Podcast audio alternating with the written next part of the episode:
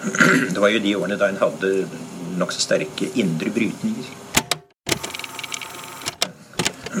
Indre brytninger.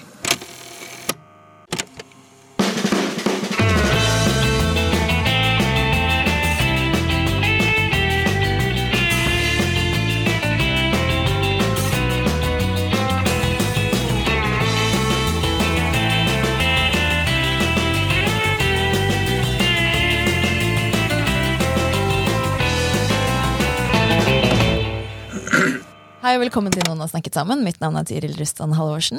Og jeg heter Aksel Fjellavli. Nok en uh, international guest uh, Ja. i dag. Ja, Det stemmer, det. Ja. Og i denne episoden her så skal vi snakke om uh, næringspolitikk. Eller industrial policy, som vi kommer til å omtale som på engelsk. Litt mer nærmere bestemt den uh, tenkninga rundt det som har blitt kjent som Green New Deal i USA. Eh, ja, og, og Green New Deal blir jo gjerne assosiert i Norge med denne Alexandria Ocasio-Cortez, AOC.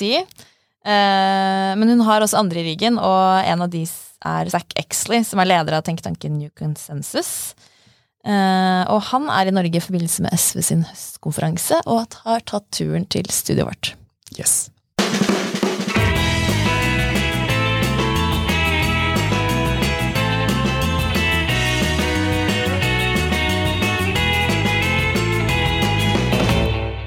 Okay, um, Zack Exley, welcome to the podcast. Thank you. Thank you for having me. Um, can you first tell us something about what New Consensus is? Uh, yeah, sure. New Consensus. It's a uh, it's a new think tank. Uh, we set it up a few years ago, coming out of the Justice Democrats movement in the U.S. Uh, we were And what are the Justice Democrats? Yeah, it was so Justice Democrats was a project that I started with uh, some other people coming out of the Bernie campaign. And originally we called it Brand New Congress. And the idea was to elect a brand new Congress. And we were going to recruit hundreds of candidates. It was a wacky idea. We knew it was wacky. In the end, we recruited 15. One of only one won. only one of them won their election. That was Alexandria Ocasio Cortez. And there's a great movie about it if you want to watch the movie on Netflix. Uh, it's called Knock Down the House or Knocking Down the House. Knock Down the House. Um, and uh, so one thing that that I experienced during that whole project was, um, you know, we were trying to run all these candidates uh, as a block, um, and I, I made it sound like a, a total failure with only one candidate, but AOC, as we call Alexandria Ocasio Cortez in the US, she uh, made a huge difference. But then Justice Democrats went on to um, elect another dozen or so candidates over the next two elections. So now there's a little block in Congress, and uh, they're really having a, big impact. But m- my experience at the beginning of that project was, you know, we were trying to run these candidates as a block um, with a shared economic vision for the country. And but you know, I was not an economist, and neither was anybody I was working with on the campaign. And every now and then, our candidates would look at us and just be like, "Why should we believe you guys?" You know, like, um, the, you know, or, or you know, and they would take what we were saying, um, you know, back to their brother-in-law who was a banker over Thanksgiving dinner, you know, and and he would say, "No, these people you're listening to are crazy. You know, that none of that's going to work."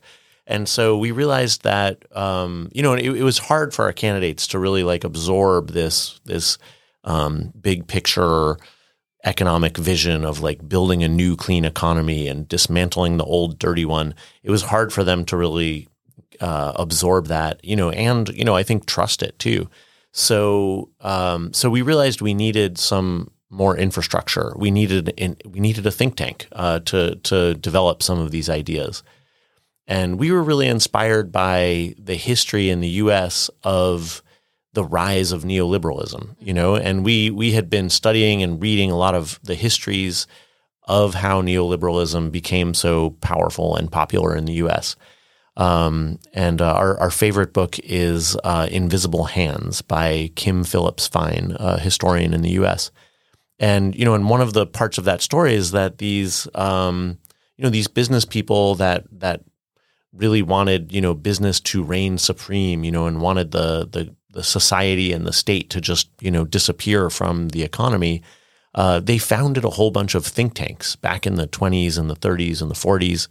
And those are incredibly powerful in the US now. And they're really responsible um, in large part for this uh, rise of neoliberalism in, the, in the whole world. So, so we said we should maybe have an institution like that for ourselves. And that is new consensus. That's new consensus. And, and the, the, the policy package, uh, which are talking about this bundle of uh, economic ideas, uh, which are known under the name of the Green New Deal.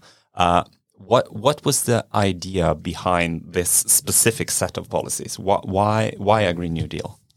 Uh, the the idea is that we have this old dirty economy that is destroying the planet. We know that, and it's also in the United States. It's failing to provide a means of making a living, a decent means of making a living for Americans, and um, you know, wages in the U.S. have been falling for more than forty years. Uh, you know, I'm talking about real wages, of course, adjusted for inflation. And if you if you look at the bottom, you know, 60 or 70 percent of U.S. income earners, their wages and their living conditions and their working conditions have really been dropping fast. And this is crazy in, you know, literally the richest country in the world, you know, the country in the world with by far the largest GDP um, and a very high per capita GDP. So um, it, this doesn't make any sense.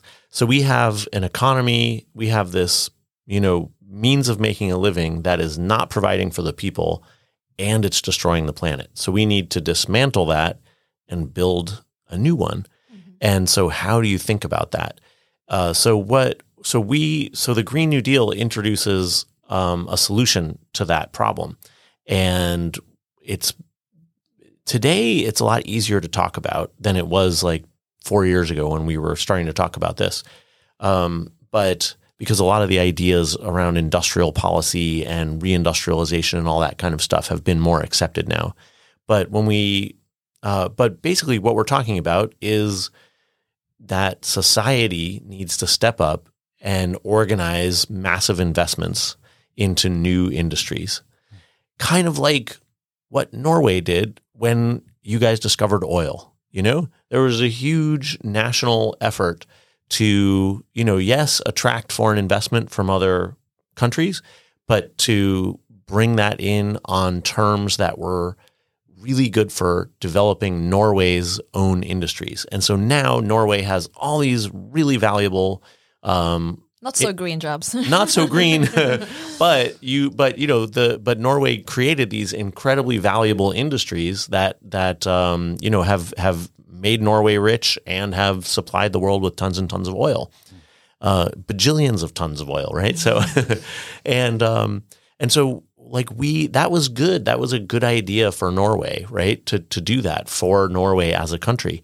Um, there's a million examples of that all around the world of countries intentionally developing their industries that provided their people with a good means of making a living and you know gave them what they needed. Uh, and this is also what's created all this pros- growing prosperity all over the world. It's societies deciding to build industries. And if you look at basically every major, you know, high value industry in the world, in, in almost every country, um, if you look at the history of that industry, you'll find that there were these very intentional decisions by societies, usually through governments, to, um, you know, to uh, to organize investments, you know, that that didn't really make sense from a you know free market global trade perspective. Like it would have been cheaper for Norway to just buy all the oil rig equipment from foreigners, right? It would have been cheaper to just let you know, Shell and BP and Exxon come in and build all that stuff for you. But uh, Norway made a decision that we're going to actually profit from, you know, this stuff. We're going to have high wage jobs for Norwegians. We're not just going to bring all these, uh, um, uh, you know, foreigners to make this money and then send them home with that money. And that that's a smart decision. And so if you look at all the rich countries in the world and you look at their most lucrative industries, you'll almost always find that history. You know, um, a- another really uh, great example of this is if you look at the Japanese auto industry. You know, uh, Japan almost didn't have an auto industry. they they invested for uh, decades into this really terrible auto industry that made the worst cars in the world that nobody wanted. And they protected this industry in Japan. Japanese people were miserable with these terrible cars. They were like, why can't we buy those American cars and those European cars? And um, and they, you know, they first tried to export uh, Japanese cars in I think it was 1957 and everybody laughed at these cars. They were the worst. And Japan, you know, was like nationally humiliated. And they had this big debate um, about whether they should continue on. Uh, Norway did this too with the Think, right? Mm-hmm. And Norway chickened out. Actually, no. Ford bought it and shut it down, right? So yeah. maybe Norway did not chicken out, but um, but Japan uh, persisted, and of course now the best cars in the world are from Japan. So we're saying we need to do this in the US. And when we first suggested that, it was like crazy. Everybody was they were they could not they looked at us like we were crazy. What are you talking about? It doesn't sound that yeah. very American to like have a huge state intervention in the market economy. Do you have any history of similar experiments? Yes, that's the thing. There's this forgotten history and part of what we're trying to do is to resurface that you know that history. And we're trying to we're trying to bring that back into our national memory. But in fact um, the US was one of the earliest countries that invented this system and we actually had a name for it and we called it the American system. Have you guys ever heard of the American system? Only the Norwegian model. the, what, what, do you mean? The uh... we always talk about the Norwegian model that should oh. be exported to every other country, but uh, the American. Oh yeah, uh, no? oh yeah. We we we will take the Norwegian system now. Yeah, but uh, no, it was it was way back in um, I think it was Henry Clay who named the American system, and he was way back in like the late 1700s, early 1800s. Um, it really started with Alexander Hamilton, um, and you know the first Treasury Secretary, who everybody now knows because of the Broadway musical.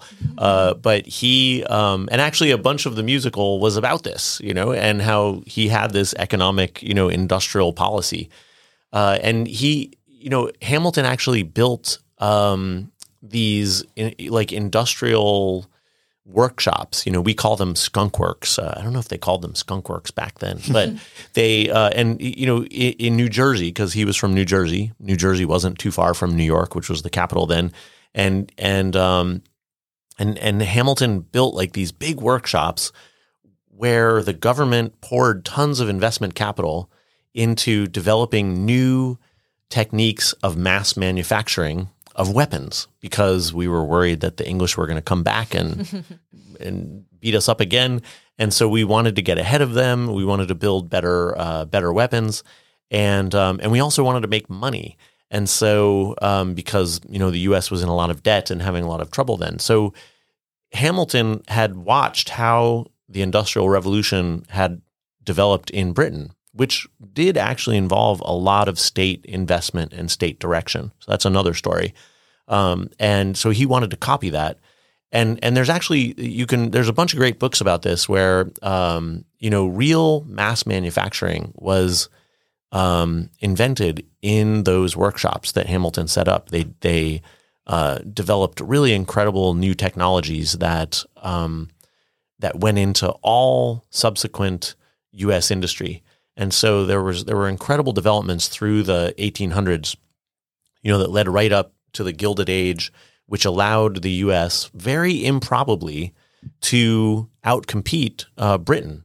You know, in the same way that China is outcompeting the U.S. as the workshop of the world right now.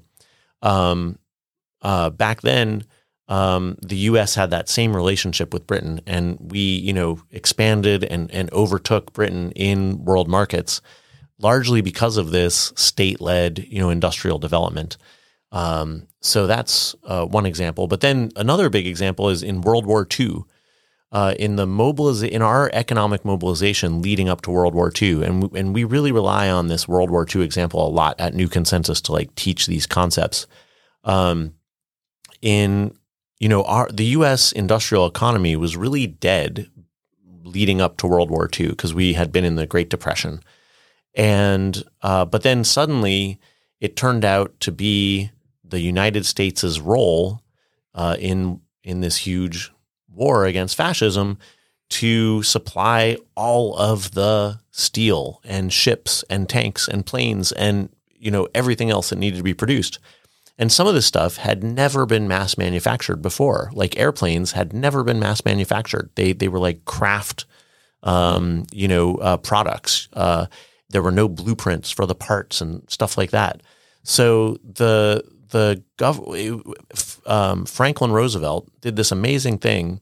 He hired uh, the president of General Motors, and so this wasn't a case of you know government bureaucrats, you know, in a command and control way dictating how the economy was going to work.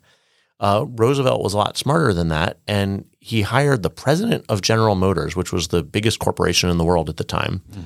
And he put this guy in charge of reorganizing the economy and building up these new industries.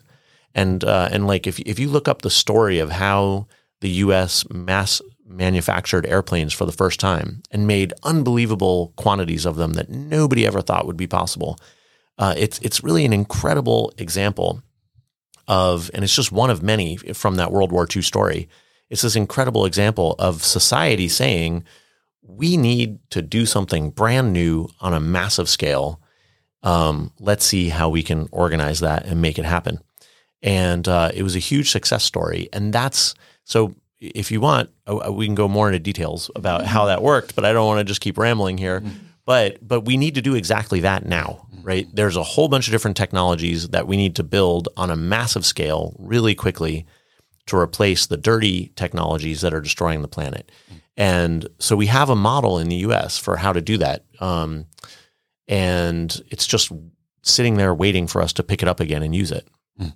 Uh, we had uh, Berkeley economist Brad DeLong on the podcast last week, uh, and, and, by the way, he has written a, a, very nice short book on on this Hamiltonian uh, way of, of, of doing stuff. Uh, but but we asked him, among other things, uh, what comes after neoliberalism, mm-hmm. and he said basically that he doesn't know that we are uh, in an era of confusion.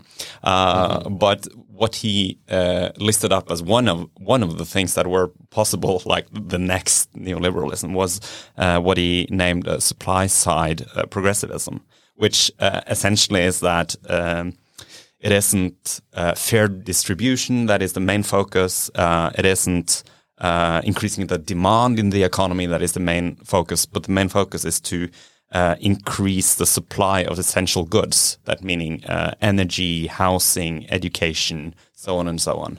Um, do you view the, the new consensus project as a supply side progressive project, or is there some other label that is more fitting?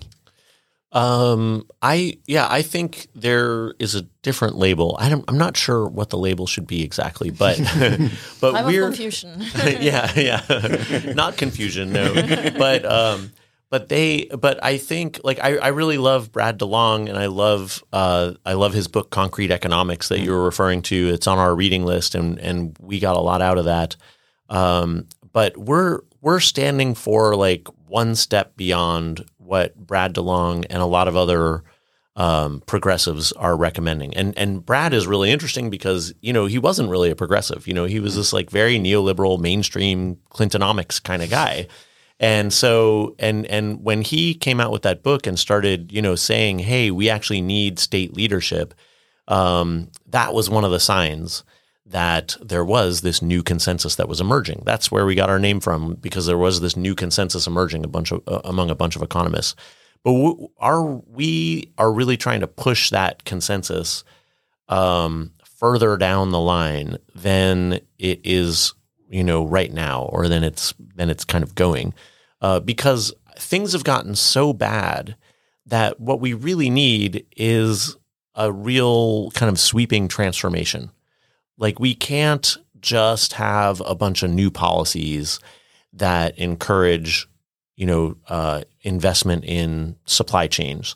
Um, that would be good. That would be better. We're, we're in fact, we're getting that now. You know, the, this um, this big bill that Biden just passed, uh, which probably you talked about with Brad DeLong, uh, I guess, right? Did that come up no, on the? We, oh no, really? oh, okay. We should have. I, I would. I would like to know what he's uh, thought about it. Yeah. But the but this big bill, it's called the Inflation Reduction Act because you know we our politicians just try to name their accomplishments over whatever is important in their elections and their polls.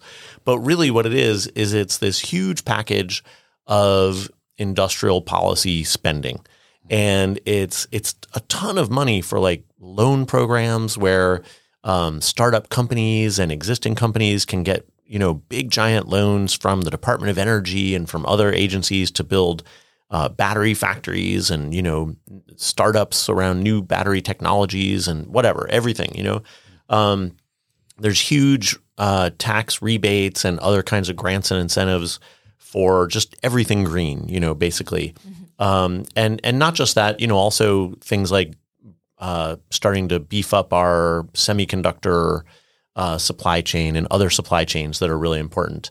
So um, so it's it's this amazing accomplishment, and it's exactly what you know supply side progressivism is sort of pushing for, which is let's get you know market signals all pushing in the right direction for uh, more investment here in our country where we need to build up our means of making a living and also you know so not just for our own sake but so that we can supply the world with all this green stuff that it needs to do the whole global transition.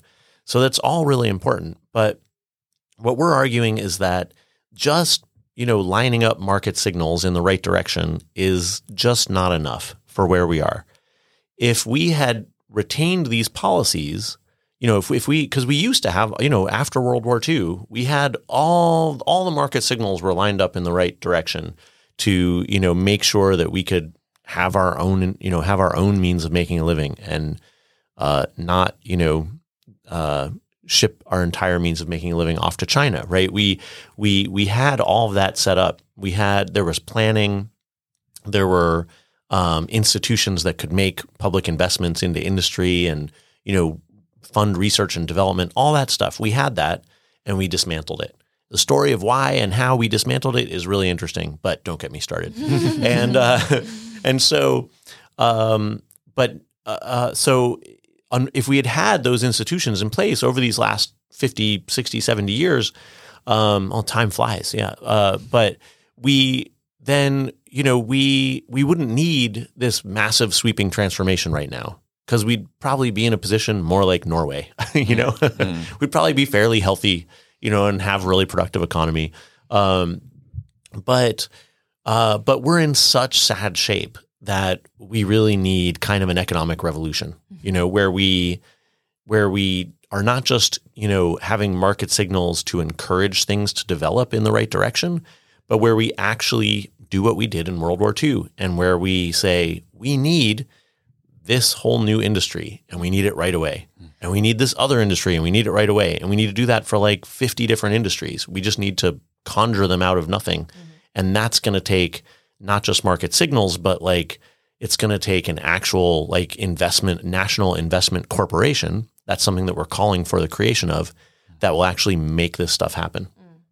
But even in Norway, there's the debate about how the economy needs to shift and it's not enough to like give market signals. So even though I think we have some institutions and some economic um, groundwork in place that you don't have, it sounds similar than the Norwe to the Norwegian debate. And and but one of the critics here has been that the government is picking is picking uh, winners. Mm -hmm.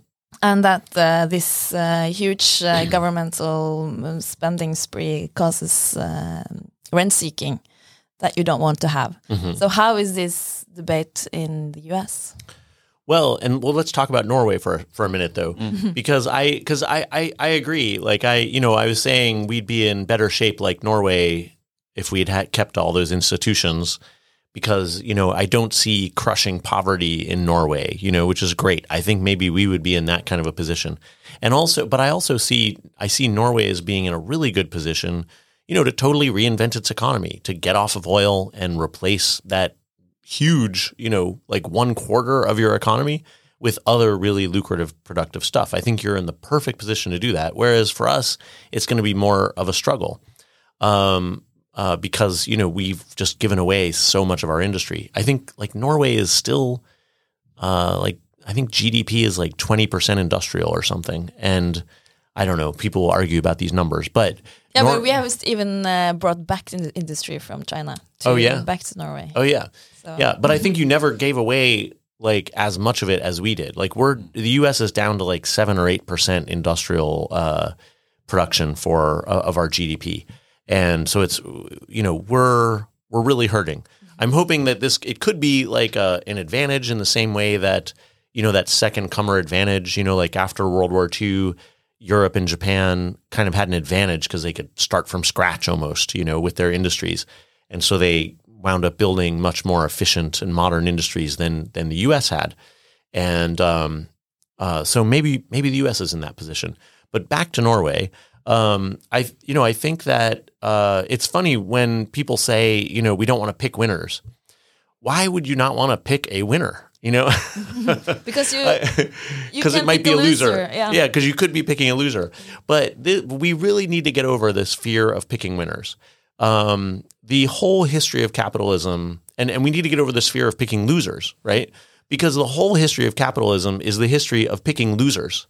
Like, you know, if you actually look at how, um, you know, uh, if you if you just really look at the details of the industrial development of any rich country, any industrialized country, you see tons and tons of losers being picked.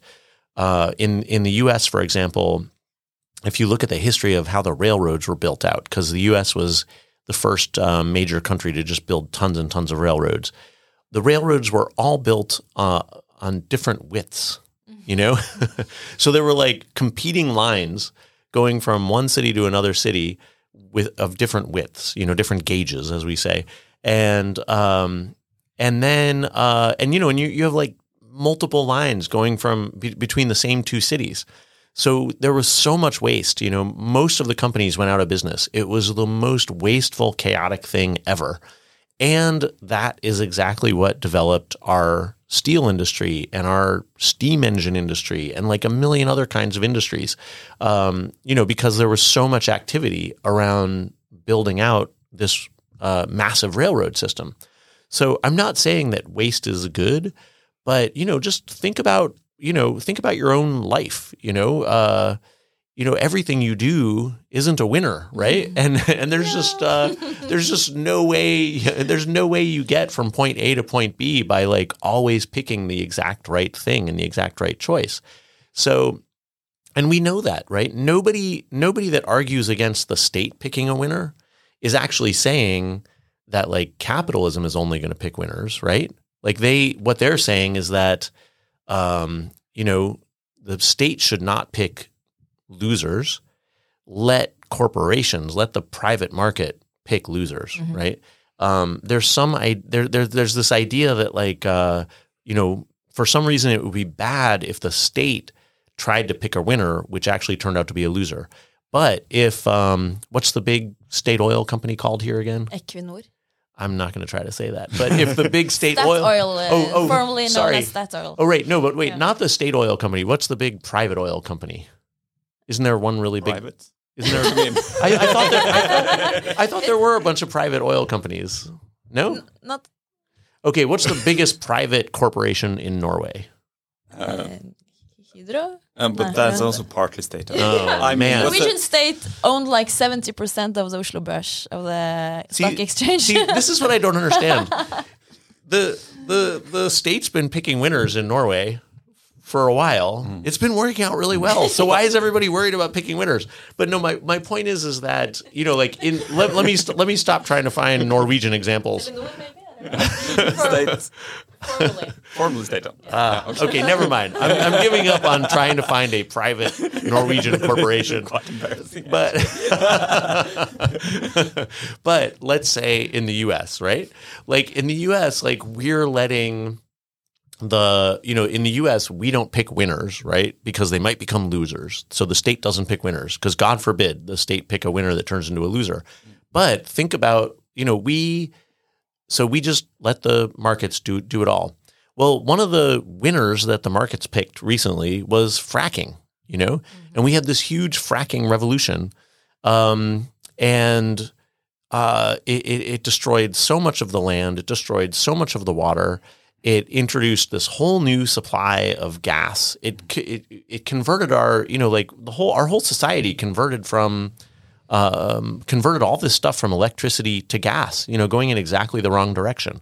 This was one of the and, and now it turns out that it was actually all based on fraudulent accounting, and all these fracking companies are going out of business. The the basic life history of every fracking company is they get all this debt they sell a bunch of oil, the founders make some money, and then they sell it to somebody where it then goes bankrupt, right? And then the society is left cleaning up the mess. So that's what we that's how we pick losers in the US, you know? Um, the our auto industry uh it you know has decided that the only thing the only cars they're going to make in the US are these massive pickup trucks. They basically got out of the business of making cars. Uh, that that was the decision that our auto industry made when it turns out that you know the most valuable company in the world is a startup in the United States that decided it was going to make cars in the United States, electric cars no less. So it would have been really smart if, in hindsight, it would have been ama- really brilliant if GM and Ford and Chrysler in the US had decided to make electric cars. But they did not, they weren't smart enough or bold enough Do you think to Congress pick that winner. would have been?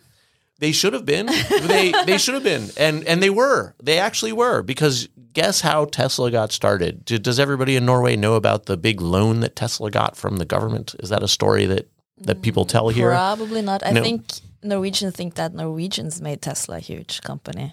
Oh yes, you probably yeah, right. We I think we owe Tesla's success to Norway definitely, but even before Norway, um, uh, the there was a U.S. Uh, Department of Energy loan program that gave Elon Musk, who frequently tweets against socialism and government inter- intervention.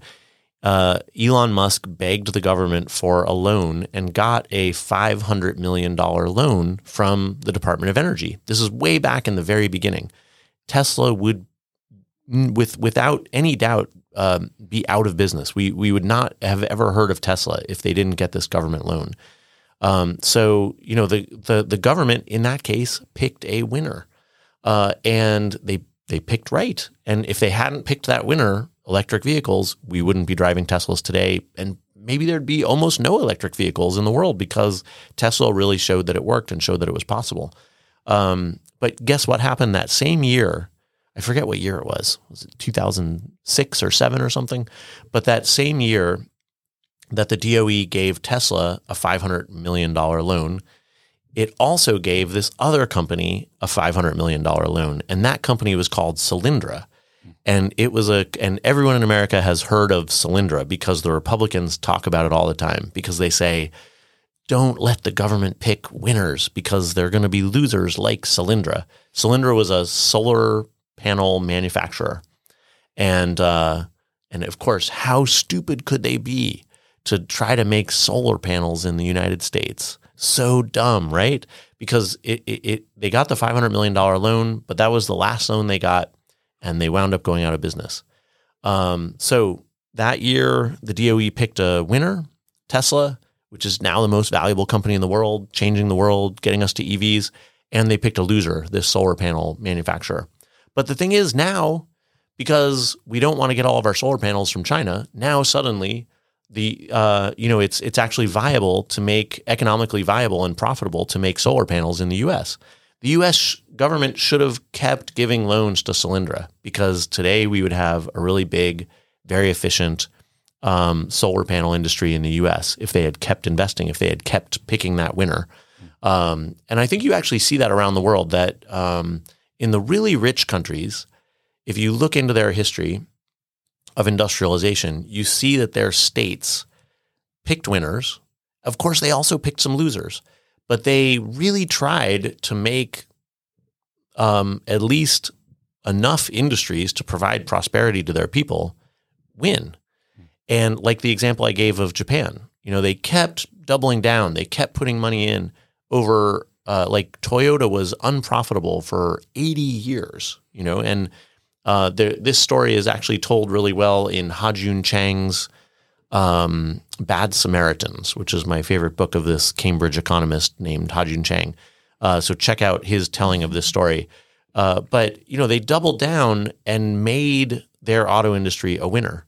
But if you look at, um, uh, there are other countries you can look at where they didn't keep trying. You know, like uh, Brazil is a good example of this. They Brazil had a lot of the same like, um, you know, developmentalist policies for a while in the 20th century, but then they kind of, you know, they had a change of government and a change of mind, and like too many of their um, young elites came to the U.S. and studied econ- economics at Harvard, and then went back to Brazil, and they and they very you know in in like the 50s and 60s and 70s they started to say, wait a minute, what are we doing?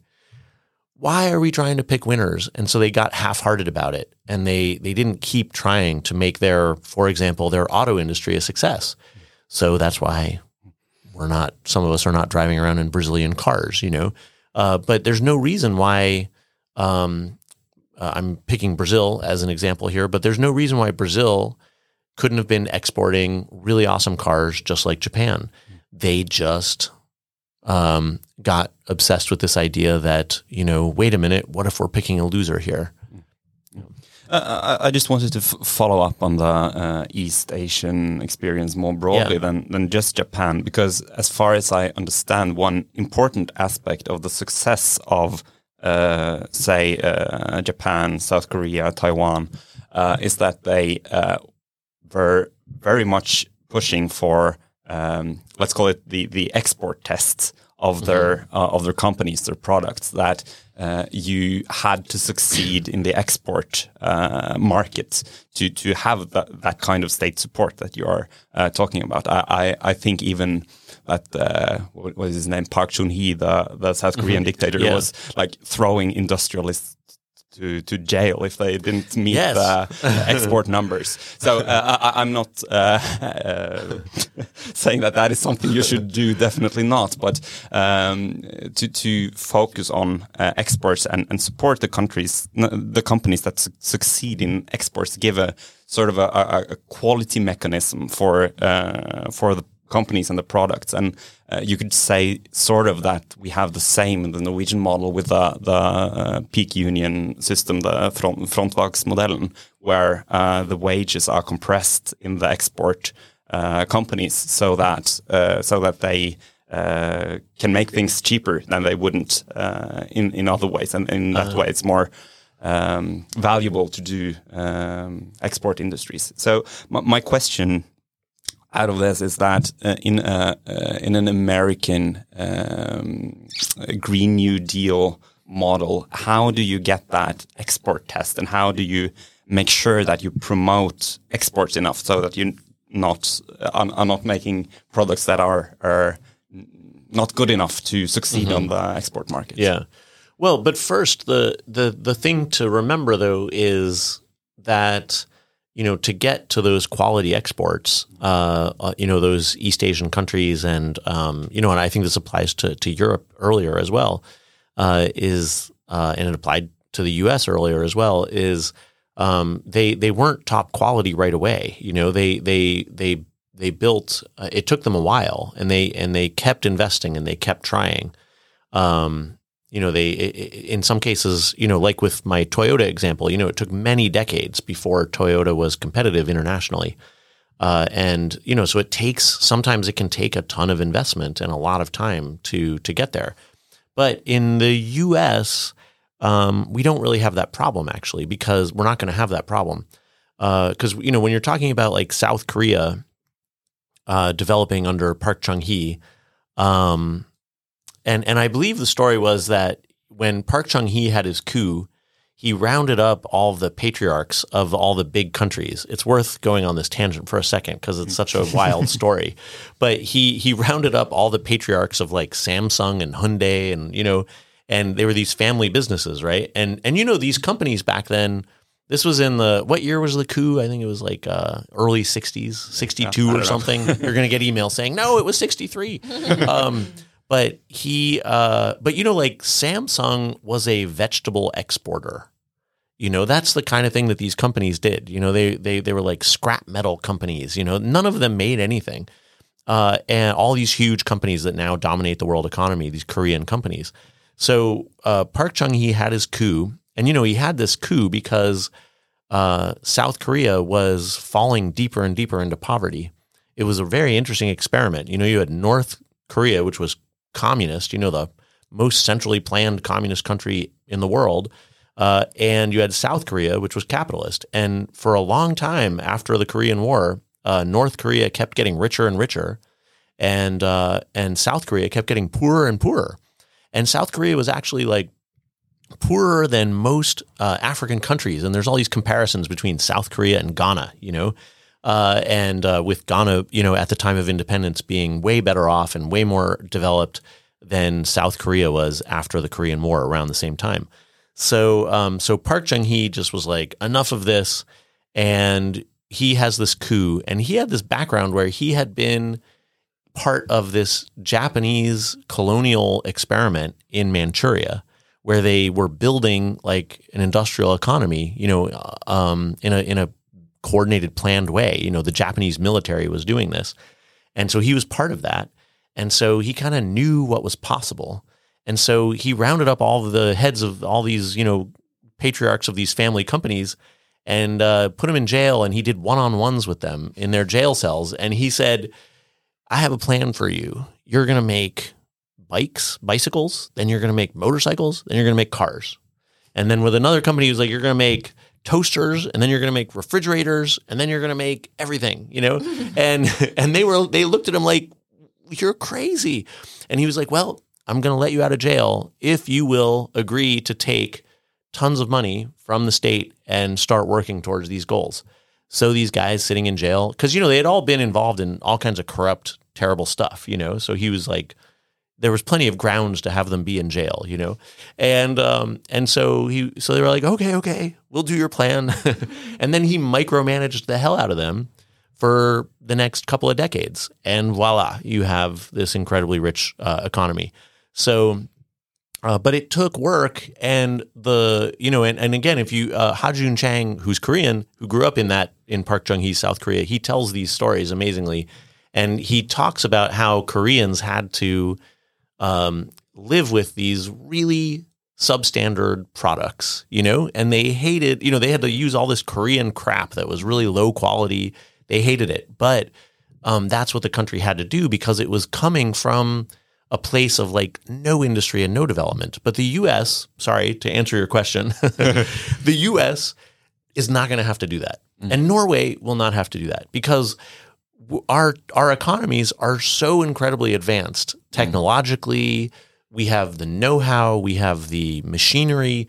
We can just build a new industry. And and we see this ha- you know like you know uh, we we have these startups that are just you know, inventing entire auto companies, you know, um, you but know, out of nothing. Car wasn't that terribly good. I mean, there, there's some something but, here. But the the but how that was like 25 years ago. Yeah, you true. cannot like. It's amazing that Norway was producing any electric vehicle, mm. right? And like nobody in the world could produce a good electric vehicle and um and I th- also you know it was like it was a design decision to make it because you know the these hippies that were starting that company I assume they were like we don't want to drive around in a big car we want a tiny tiny little car right okay that was dumb like Elon Musk was smarter he and actually it wasn't Elon Musk it was those two guys I hate giving Elon Musk credit for anything it was those two other guys that started yeah. the company but but no, I think it's amazing that that um, Norway was making an electric car back then. I, I feel sure that it was the best electric car in the world at the time. yeah. So so imagine like I actually think it would be possible for Norway to like if if if a couple of guys with a handful of millions of dollars can start an electric car company in California, like why can't Norway um, start an electric car company. And the and all think about all the things. You know, the U.S. needs to start a wind turbine company, a solar panel company, a whole bunch of them. But is everyone yeah. going to produce solar panels and electric cars? Because normally we talk about comparative advantages and, and free trade, and mm-hmm. that that enhances everyone's uh, profits. And and a, a, couple of weeks ago, you can re- you can read in New York Times that Biden's Made in America policy angers key allies and that the president's plans to bolster America's electric vehicle and battery production have opened a rift in the relationship in Asia and Europe. Because we're talking about free trade Yeah. and it enhances uh, profits and, and peace in the world. And one of the critics about this Buy American is that it uh, pisses off Europe and China. And, um, and what's your response to that kind of critique?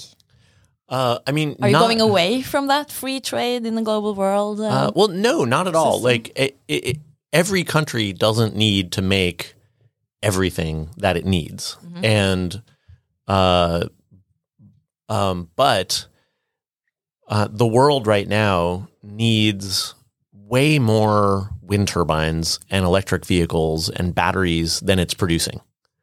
Right? We like we're like how long do you have to wait to get your Tesla in Norway? a year? I Yeah. think? That's crazy. What is this? The Soviet Union? You know what I mean? It's like you have to, you know, people are waiting two years to get their uh, Rivian electric pickup truck in the US, you know? What in the world? And and and you want to know what's crazy? Um, look up uh, if you Google like the production numbers from Ford, like Henry Ford when Ford was a startup.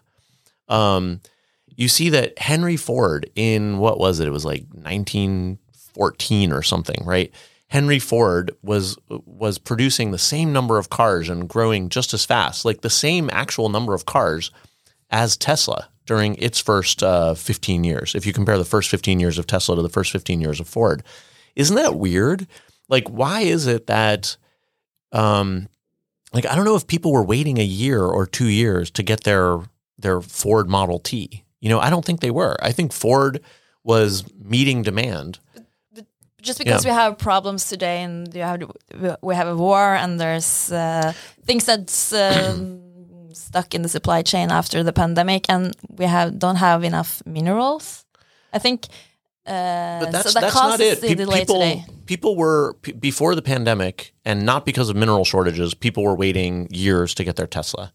So I think it's a different um, attitude, right? Because like I think Elon Musk is happy to have very high demand for Teslas, and and I think for some, you know, I think also.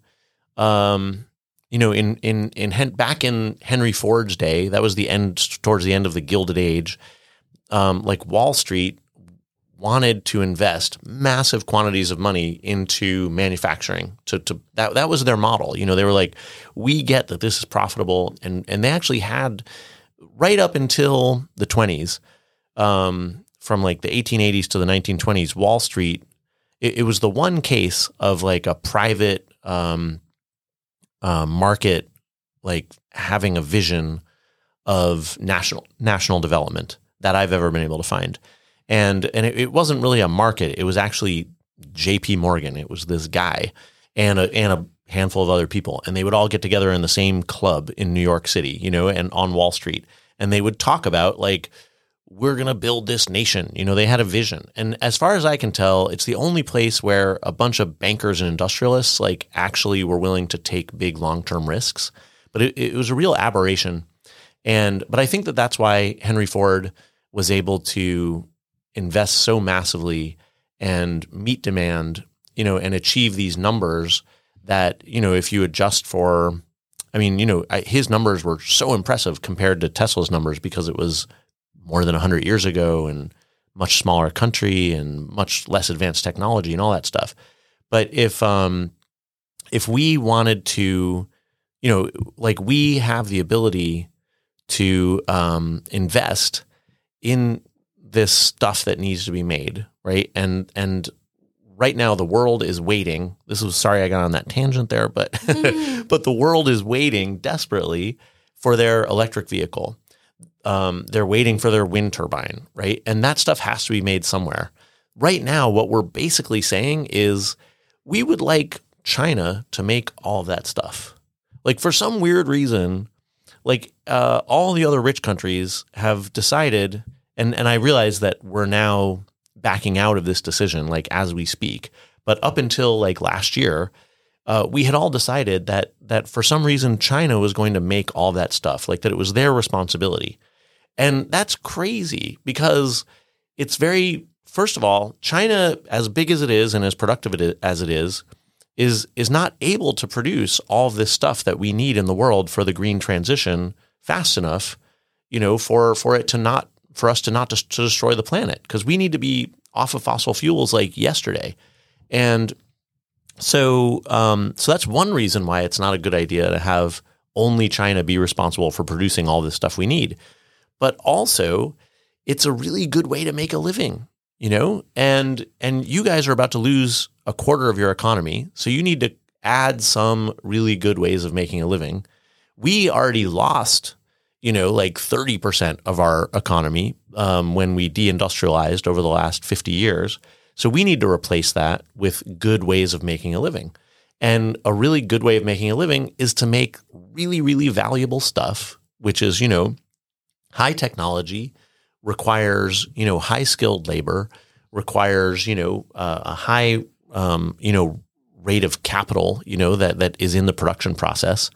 Um, don't get me start uh, talking about the labor theory of value or the you know ratio of capital in the in, in labor and all this stuff. But um, you know, we we need those industries to to make a living, and I you know so yeah. Know. Uh, Just a quick, uh, quick, quick question on, on, on specifics here, because we are a lot on the level of visions Yeah. so, so far. But if you are to to uh, give some like specific policy, uh, like recommendations on on the a bit more detailed level, how do you get there? What should a country do? Uh, the, I mean, the the one big policy that we're recommending that's specific is that we need a national investment, um, you know, entity that doesn't only invest in these new industries that we need, but actually makes the industries, you know, come into being the way Hamilton did with the story I was telling earlier. Um, and uh, you know the way Norway did when uh, when it created all these uh, industries around the oil industry, right? Um, and so we we need that investment um, institution in the U.S. again. And so the thing we're recommending is is we're gonna we, we want to call it the National Investment Corporation, and it's basically um, the revival of a thing that we used to have in the U.S. called the Reconstruction Finance Corporation.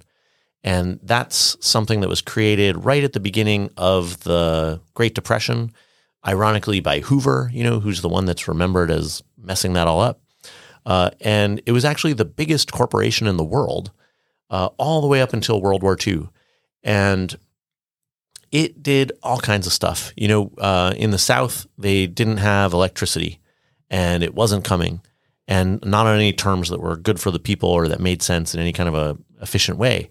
And so the RFC created the Tennessee Valley Authority, which is the, even today it, it's still there. It's this huge public utility that um, you know supplies a huge chunk of the country with power. Uh, and but I'll give you another random example. Uh, uh, in the beginning of World War II, Japan captured all the rubber supplies, and you know so to in order to have uh, in order to make all these tanks and and jeeps and planes, uh, the U.S. needed rubber. So they so the RFC convened these uh, the the the big chemical companies in in the U.S. and said we need synthetic rubber, and they just they paid them up front. They gave them whatever they needed. They made the investments, and uh, and and voila, we had a synthetic rubber industry. And within a year, it was producing more synthetic rubber than the whole world had been producing of real rubber earlier. So we we need that institution again. And, And this is kind yeah. of what you did with the Semiconductor Act, or what it was called. Well, that's the thing. No, the the um the the semiconductor, the Chips Act, or whatever they called it, was was great because um it throws a lot of money at the chip companies, and hopefully the chip companies will use it to build some chip factories. But it's not going to be enough because we have this whole huge semiconductor supply chain which exists in Taiwan, and this is the reason why they're worrying about chips, right? Because Taiwan. e- even yeah, because even without China invading Taiwan, China could just blockade. You know, like all these military things that China was doing around Nancy Pelosi's visit to to, to um, Taiwan. I don't want to say anything bad about Nancy Pelosi for the next few weeks because you know she was just like the victim of this uh, uh, horrible political attack. But um, but but the but China was doing all these exercises to like show that they could blockade Taiwan. And so they, they, you know, to show that they could stop anything from getting in or out of Taiwan, including all the chips we need, you know, not not just to run our video game consoles, but to like run our aircraft carriers, you know, and our airplanes. You know, everything, everything about American society depends on these relatively low tech chips that they that they just make all of them in Taiwan. And so, um, so, so that that finally freaked out the American establishment, and so that's why they passed that act. But it's not going to be good enough mm-hmm. because there's actually, you know, there's thousands of kinds of chips that we absolutely need to have manufactured in the U.S. The they threw all this money at these chip companies. The chip companies are going to use that money to build whatever kind of chips they'll they feel like they'll make the most profit off of, or whatever. You know, who knows what they're how they're going to decide. But we actually need what we need. We need an institution that says there are a thousand chips that we absolutely need to make some of, and we need factories to make them, and and then pay the companies to build those factories. Um, you know, and insulin. You know, to take an entirely different kind of example. You know, there's all these people that can't get insulin in the U.S. because it's just not that profitable of a thing for the pharmaceuticals to make, and so we should, you know, we need an institution that says, hey, we're going to pay some companies to build insulin factories, you know, and get those. And it's the kind of thing that I think that like the civil service in Norway has been doing for ages, you know, um, with a whole bunch of different stuff.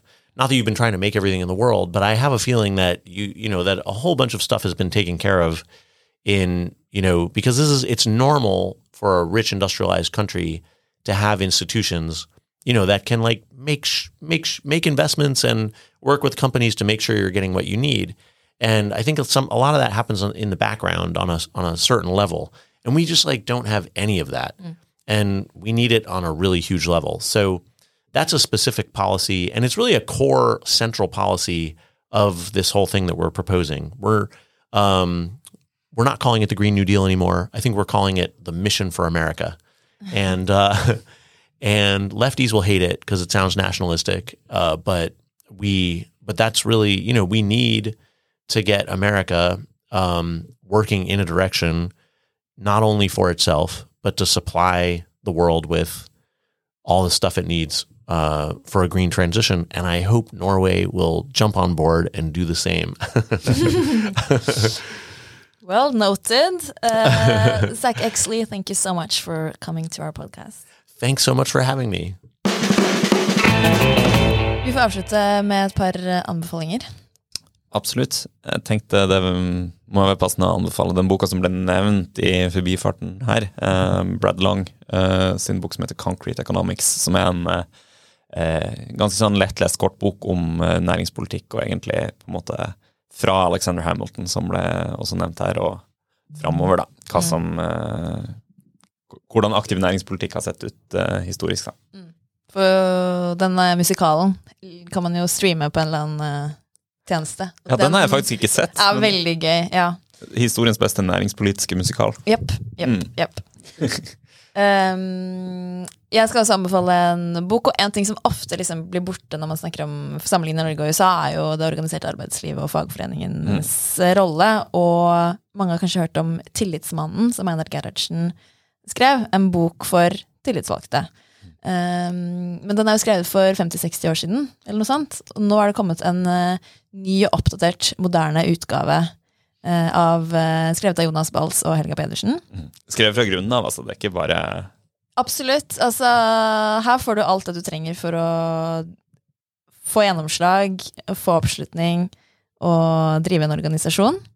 En liten verktøykasse, rett og slett. Rett og slett. Um, den um, er gitt ut på Respublika, lanseres denne uka, og ja, sikkert å få kjøpt de fleste steder. ja, det får vi håpe. Ja. Uh, en, en, en, god og viktig bok. Mm. Yes. Takk for nå. Takk for nå.